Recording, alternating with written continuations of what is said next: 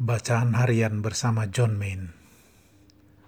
Pada waktu Anda mulai bermeditasi, Anda berharap bahwa meditasi akan membantu hidup Anda.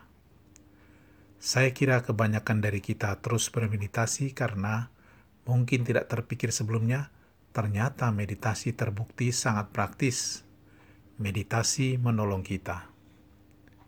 Ketika kita mulai bermeditasi, kita seharusnya siap menghadapi tantangan yang mungkin terjadi bila kita terus bermeditasi. Pada saat-saat tertentu, kita tergoda untuk menyerah. Kita digelisahkan oleh kodrat absolut dari hal-hal yang muncul, baik misteri Allah sendiri maupun kodrat absolut dari jalan meditasi. Dalam perjumpaan dengan yang absolut, kita tergoda untuk menjadi ragu kita lebih suka untuk bersandar pada khayalan yang sudah kita kenal sebelumnya. Kita semua juga lebih suka untuk mempunyai kebebasan memilih.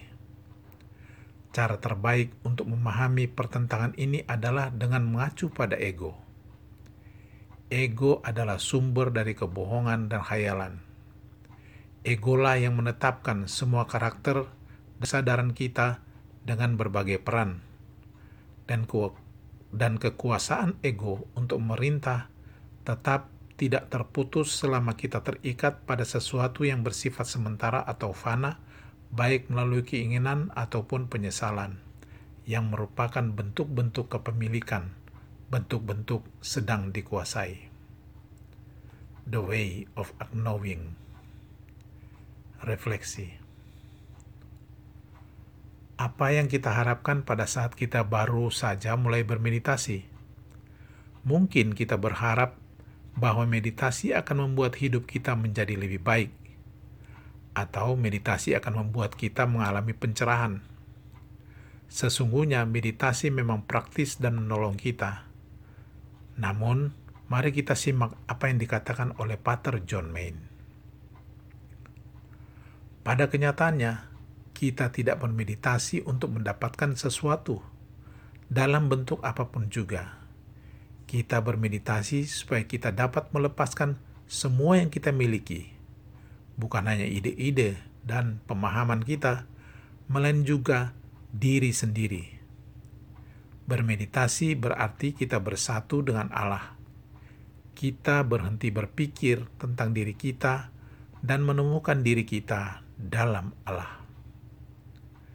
Seiring berjalannya waktu, ketika menghadapi tantangan dan pencobaan yang terasa begitu berat menghimpit kita, kita menjadi ragu apakah kita akan tetap setia untuk terus bermeditasi. Saat ketika kita tidak dapat merasakan bahwa Allah hadir dan sungguh-sungguh memperhatikan kita secara nyata.